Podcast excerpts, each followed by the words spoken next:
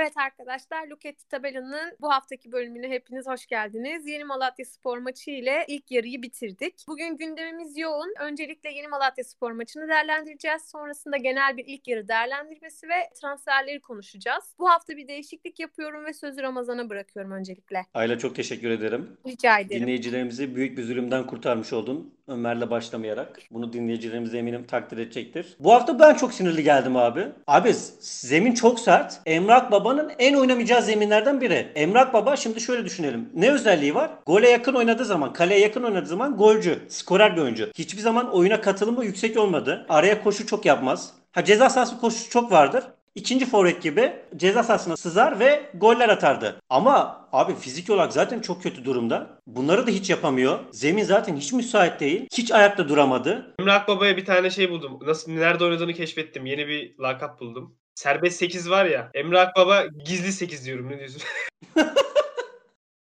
Kardeşim. Yok gibi.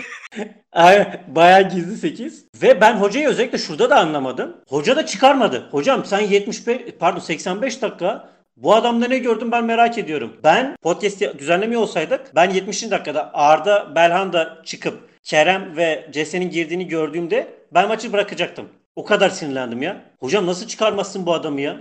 Bir de yazık günah abi küfür yiyor çocuk ya. Hayır bu ilk değil bu arada. Geçen maçlarda da hep Emre Akbaba en kötü olmasına rağmen Emre Akbaba çıkmıyor. Ne hikmetse Arda çıkıyor. Başka biri çıkıyor. Sana bir soru soracağım. Emre Akbaba'nın 8 oynadığı takımda, Soluç oynadığı takımda Arda 500 kere oynamaz mı? Abi Arda bin kere sol iç oynar ya bin kere. Şimdi ben hoca Emre'yi ısrarla çıkarmayınca altında neden aramaya çalıştım? Ayla evet mantığı ne olabilir? Ama şimdi bir şey söyleyeceğim. Benim bu yoruma başlama şeyim Emre Akbaba olmayacaktı. Ben başka bir şekilde başlayacaktım. Niye beni burada araya sokuyorsunuz? Neyse tamam. Hocanın bir bildiği vardır demiyorum. Sadece şöyle bir şey söylüyorum. 85 dakika Emre Akbaba izlenmez. Yani izlenmemeli. Hocayı bu yüzden zaten eleştiriyorum. Böyle bir şeyin altında ben de bir sebep arıyorum ve bulabileceğim bir sebep hani aklıma şey geliyor. Bunu zaten konuştuk. Hani sol içim yok benim. Yönetime bunun mesajını vermeye çalışıyor.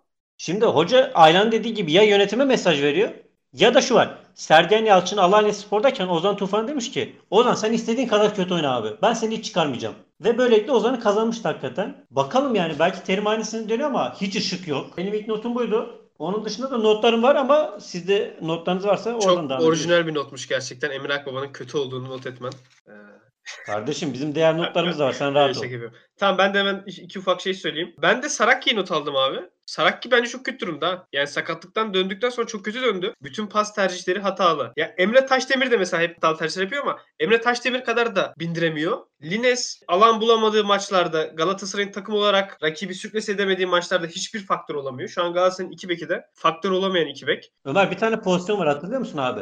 Taylan böyle 50 metre diagonal bir pas attı sağ kanada. Hı. Top Lines'e geldi. Lines abandon oldu tamamen. Halbuki bir boşluk falan da vardı. Gerçekten yaratıcılık çok kötü. Özellikle Mariano sonrası. Hiçbir şey yaratamıyor. Yani Şimdi bizim iki bek paket. Onu diyeyim size. Yani şu an iki bekten de hiçbir verim alamıyoruz. Eğer gerçek bir maç oynanıyorsa yani rakip düzgün bir şekilde kapanmışsa. Onun ötesinde temel problem olarak başka bir şey söyleyip bırakacağım. Galatasaray'ın bence ilk yarıdaki de en temel problemi buydu. Bugün Malatya maçında da bunun bir örneğini gördük. Abi Galatasaray'ın en büyük sorunu çok matah bir şey söylemeyeceğim. Herkesin bildiği bir şey. Öndeki hattın statik olması. Yani Türkiye Ligi'ndeki bizim rakiplerimiz arasındaki en statik ön hatta sahibiz. En az koşu yapan, en az atletik olan ön hat bizde. Yani öyle ki mesela bu maçta Ayla işte Feguli sakatlanınca zemin mi dedi. Zemin olabilir evet. Ama hatırlarsan Ayla Trabzon maçında da aynı şekilde sakatlandı. Yani adam koşu attığı anda adele çekiyor. Öyle bir şeyi yok. Öyle bir fizik gücü yok. Yani bizim ön hattın bu statikliği ve işte Arda, Feguli, Babel durağanlığı yüzünden biz hiçbir şey üretemiyoruz. Yani Galatasaray o kadar sorunlu kanatlara sahip ki ikinci yarı Semih Kaya sabek oldu. Bir kere kullanamadık ya. Sadece Kerem geçti. Ha işte o, Kerem girdikten sonra. Ömer bir enteresan istatistik vereyim. Galatasaray'da maç boyu en fazla sprint atan oyuncu 74. dakikada oyuna giren Jesse Evet. Sikilika. Yani Galatasaray temel sorunu budur. Yani bu Kerem niye oynamıyor abi? Hani Kerem daha ne yapması lazım? Ben bunu soruyorum. Ya Kerem de bence dağları aşmaz ama bu takımda oynar en azından. İyi bir alternatif. Hayır şu an Galatasaray'ın elindeki gençler arasındaki en potansiyellisi kim bence Kerem. Yani Beşiktaş Rıdvan'ı oynatıyor. Biz niye Kerem'i oynatmıyoruz? Ve adam oynadığı her 5-10 dakikada fark yaratıyor. Motoru çok yüksek abi bak. Motoru çok yüksek Kerem'in. Bu çok önemli. 5-10 dakikada Babel'in de girdiğini gördük. Fark yaratmıyordu. İşte Falcao'nun da girdiğini gördük. Fark yaratmıyordu. Bu çocuk 5-10 dakikada bile fark yaratıyor. Ya bir kere 90 dakika oynasın görelim. Ya çünkü Bu adamın vaat ettiği şeylere Galatasaray'ın ihtiyacı var. Ön hattın statikliğini alacak bir çocuk o. Çok hızlı. Abi zaten Onyekuru transferi bu yüzden yapıldı. Evet. Aile sen girsene. Seni de gir diye biraz top atmaya çalıştım ama. Bana nereye top atmaya çalıştın acaba? Kerem Menem. Yani sen genel maç değerlendirmesi yaptığın için çok girmek istemedim. O yüzden. Ya şimdi ben tabii kimseyi sallamadım. Biraz sallarsam girer de. Ya şimdi şöyle. Fatih e, Terim'e zaten- sallayayım. Şey, Fatih, Fatih Terim'e Terim'e sallayayım öyle gir. Ben sana şunu diyorum hala. Geçen hafta da tartıştığımız temel konu buydu. Galatasaray'ın kadrosu yeterli mi? Değil. Katılıyorum. Ama şunu iddia ediyorum. Hoca bu kadrodan daha çok verim de alabilir. Ama hoca kendi oynatmak istediği sistemi farklı. O sistemde Kerem Cese daha çok iş yapmaz mı? Yani hoca bu kadroya göre bir sistemde oynatır, verim alır. Evet okey atıyorum işte 4-4-2 sisteminde mi daha iyi verim alacak? Hoca 4-4-2 koyar, alır hani verimi ama hoca 4-4-2'den verim almak istemiyor. Hoca 3-5-2'den verim almak istiyor atıyorum. O yüzden zaten bu kadar da zorlanıyor, e, zor oluyor bir şeyler. Ben öyle düşünüyorum. Hayır ben anlamadım. Hocanın istediği oyunda e, hızlı kanatlar istemiyor mu hoca? Hayır. Hocanın istediği oyunda hızlı kanat ister hoca. Elimizde Evet. de hızlımsı kanatlar var. Biraz bunları koy. Niye bir şeyleri değiştirmiyorsun? Niye biz sürekli Feguli Arda ikilisiyle kanatlarda çıkıyoruz? Niye sürekli statik adamlarla çıkıyoruz? Yani Babel'in forvet denenmesi bile çok geç oldu. Doğru. Ben Fatih Hoca'yı eleştireceksem eğer ki yani çok haddim olduğunu düşünmüyorum Fatih Terim'i eleştirmenin ama eleştireceksem benim hocayı eleştireceğim yer hani budur. Yani hoca değişiklikleri geç yapıyor ya da işte bir oyuncunun denenmesi işte Kerem de buna dahil. Atıyorum mesela bu şekilde kazandırdığı yok mu? Var. Hani işte Semih Kaya bunun örneği, Ozan Kabak bunun örneği ama biz bunları bir tık geç yapıyoruz. Hocam sene başında sen Fegoli Arda kanatlarıyla başladın. Emre Kılınç, Berhan da böyle ceza sahasında sürekli koşu yapıyordu. Bir Fenerbahçe beraberliği. Hoca sistemi bozdu. Etebo kardeşimi koydu. Tamamen statik, saçma sapan bir futbol. Hocam sonra yine bir oyun buldun. Oğulcanlı futbol. E bundan da bir tane mağlubiyette geri adım attın. Yine onu bozdun. Yani hocam bir istikrarımız da olsun ya. Yok yok hoca oynamayı çok seviyor ya istikrar yok. Bu sadece oyuncu personeli açıklanacak bir durum değil. Yani biz bu podcast'te ilk başladığımız zaman övdüğümüz Galatasaray takımı üstünden 3-5 farklı takım döndü yani. Yani Niye o yapı devam etmiyor? Yani bu arada o yapının kritik noktası da şu. Feguli'yi sağ açık mı oynatacaksın, sağ iç mi oynatacaksın? Bütün her şeyi değiştiren şey o. Orada Evet. Oğulcan'ın sakatlanması da faktör olmuş olabilir Ramazan. Oğulcan sakatlanınca Kardo katılıyorum ama mesela Oğulcan yok. Kerem'i den hocam. Evet evet doğru. İşte ben de bunu sordum. Ya ama yani şeye de çok kızamıyorsun yani. Adamın eline vermişler biz Kerem Cese niye oynamıyor diye şey yapıyoruz. Ya ayrı mesele bak. Oyuncu personeliyle alakalı net bir problem var. Ama hocam bir şeyden de gidelim. Bu yol doğru diyelim. Buradan Bence de. gidelim. Bir şey söyleyeceğim. Sizin hiçbirinizin aklına gelmeyen her şeye es geçtiğiniz bir şey var. Muslera geri döndü. Aa doğru lan. Bunu en başta söylemeniz gerekirken dakika kaç oldu?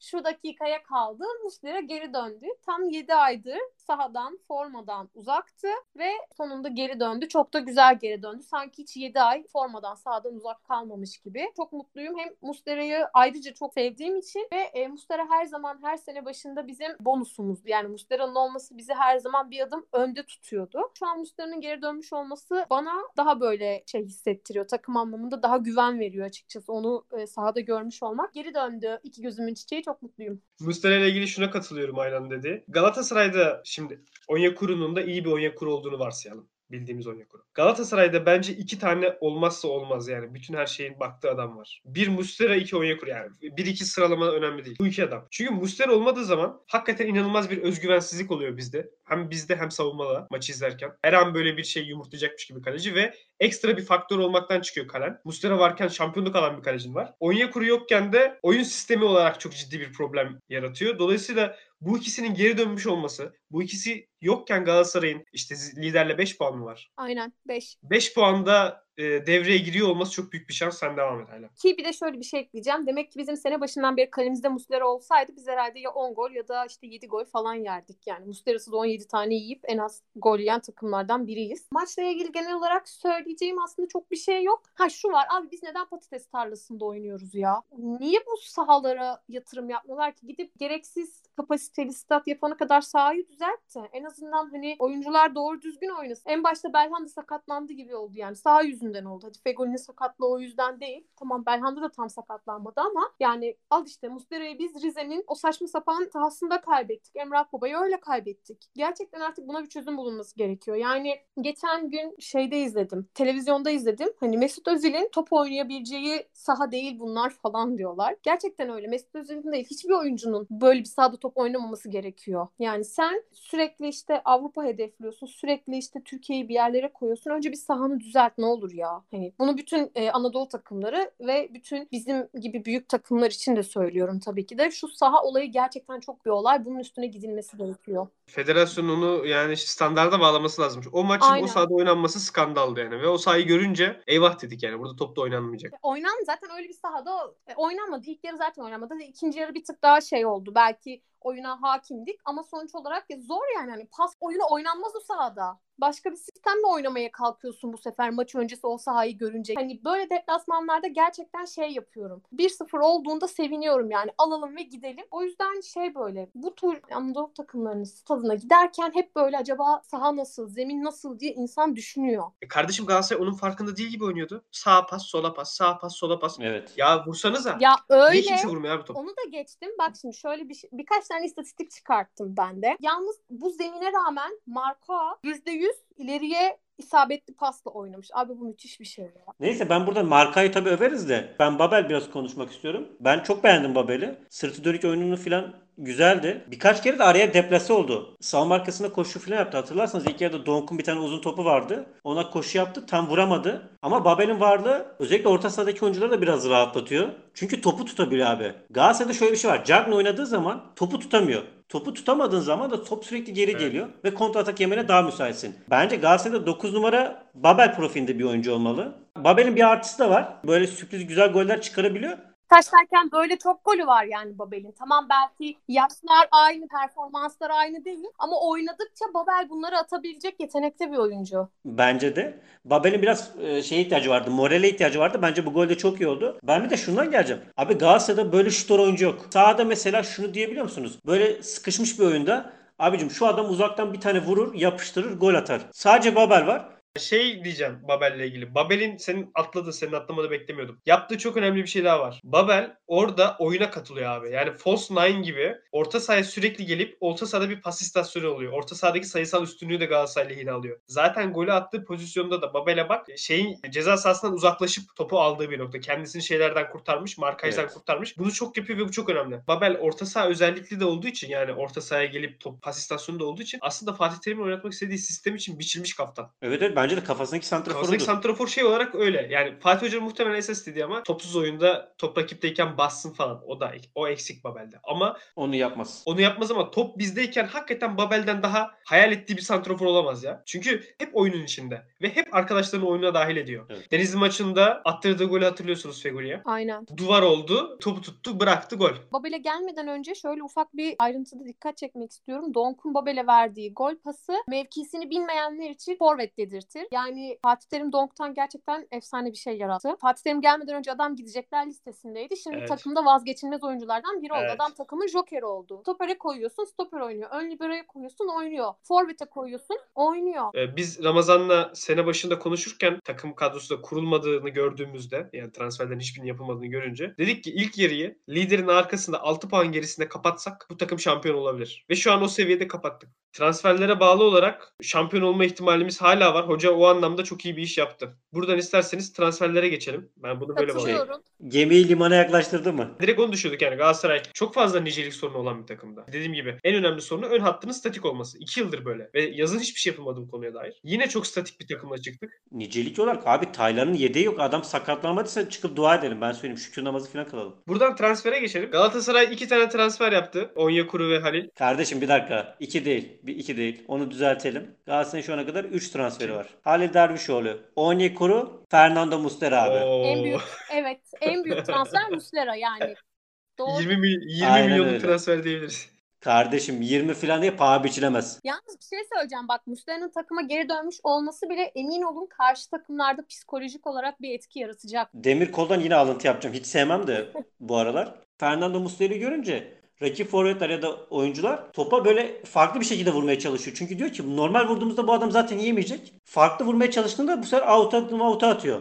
Mustera hakikaten psikolojik olarak çok yıpratıcı bir oyuncu. Şimdi Mustera dışındaki transferlere bakıyorum ben. Onyekuru ve Halil Dervişoğlu. Onyekuru zaten bildiğimiz bir isim. Ben çok beğeniyorum. Galatasaray'da son yıllarda bence yapılmış en transfer. Şeyde gördünüz mü? Transfer detaylarını. Kiralama ücreti 650 bin euro. Satın alma opsiyonu 4 milyon 350 Çok bin euro. anlaşma. Çok makul Çok bir anlaşma. anlaşma.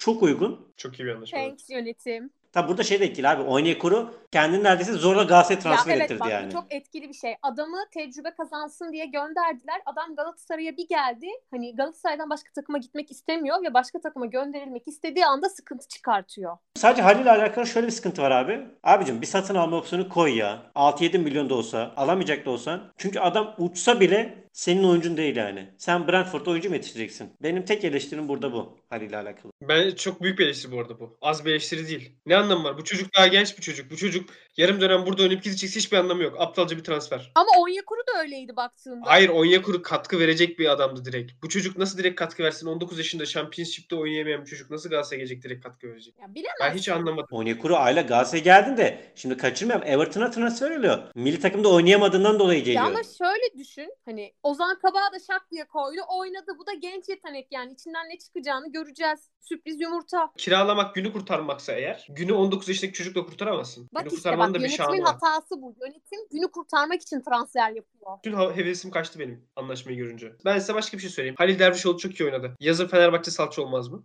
Olur. Evet olur. Ya baştan aşağı kötü yönetilen bir takım. Yani İrfan Can'ı Fenerbahçe mi alır, Galatasaray mı alır? Hangisi daha yüksek ihtimal sizce? Tahmin etsiniz. E Fenerbahçe parayı basar alır hani Bana da öyle baktığında. geliyor. Yani İrfan Can'ın Galatasaray'a şunu gelmesi için uğraşması lazım. Galatasaray sırf Fenerbahçe'ye inat İrfan'a hak ettiğinden fazlasını vermesin. Zaten para yok da hani vermesin. Adamın ederi 4, 4 milyonsa gidip de Fener 8 veriyor diye Galatasaray'da 9 vermesin ya da 6 vermesin adama. Ömer bu arada manşetlik bir şey söyledin abi. Galatasaray'da şöyle bir şey var. Oyuncular diretmediği sürece Galatasaray alamıyor. Ya Mert Hakan koyu Galatasaray'la onu bile alamadılar. Düşün. Ben öyle bir şeyden şüpheleniyorum ki Evet. ben futbolcu olsam beni bile alamayacaklar mı acaba? Hani Emre Belezoğlu gelecek bana bir şeyler teklif edecek. Beni alabilirler. Beni her türlü alabilirler. Hiç. Beni alabilirler. Ve kimse beni hani bileğimi kesmeden, öldürmeden Fenerbahçe'ye götüremez yani. Doğru. Ama işte tabii sen hiç Ayla bir şey soracağım. Sen hiç bir arada 2 milyon euro gördün mü? Görmedim. Tamam. Görmedim. Ya İrfan şöyle bir sıkıntı var abi. Yani Galatasaray'ın şu anki ekonomik realitesinde 10 milyon euro verebileceği bir oyuncu yani bilmiyorum hani Modric'i buldun Hırvatistan'da. Küçük Modric. Ona verirsin bir tek. Ya onun dışında kimseye veremezsin. Ömer sana bir soru o zaman. Sene başında bu takım Yakup Moderes 7 milyon 8 milyon euro vermedi. Bence Moder daha manalı. Moder bir kere Polonyalı abi. Yani onun satılabilirliği çok daha yüksek. Daha genç olması lazım bir de. İrfan kaç yaşında?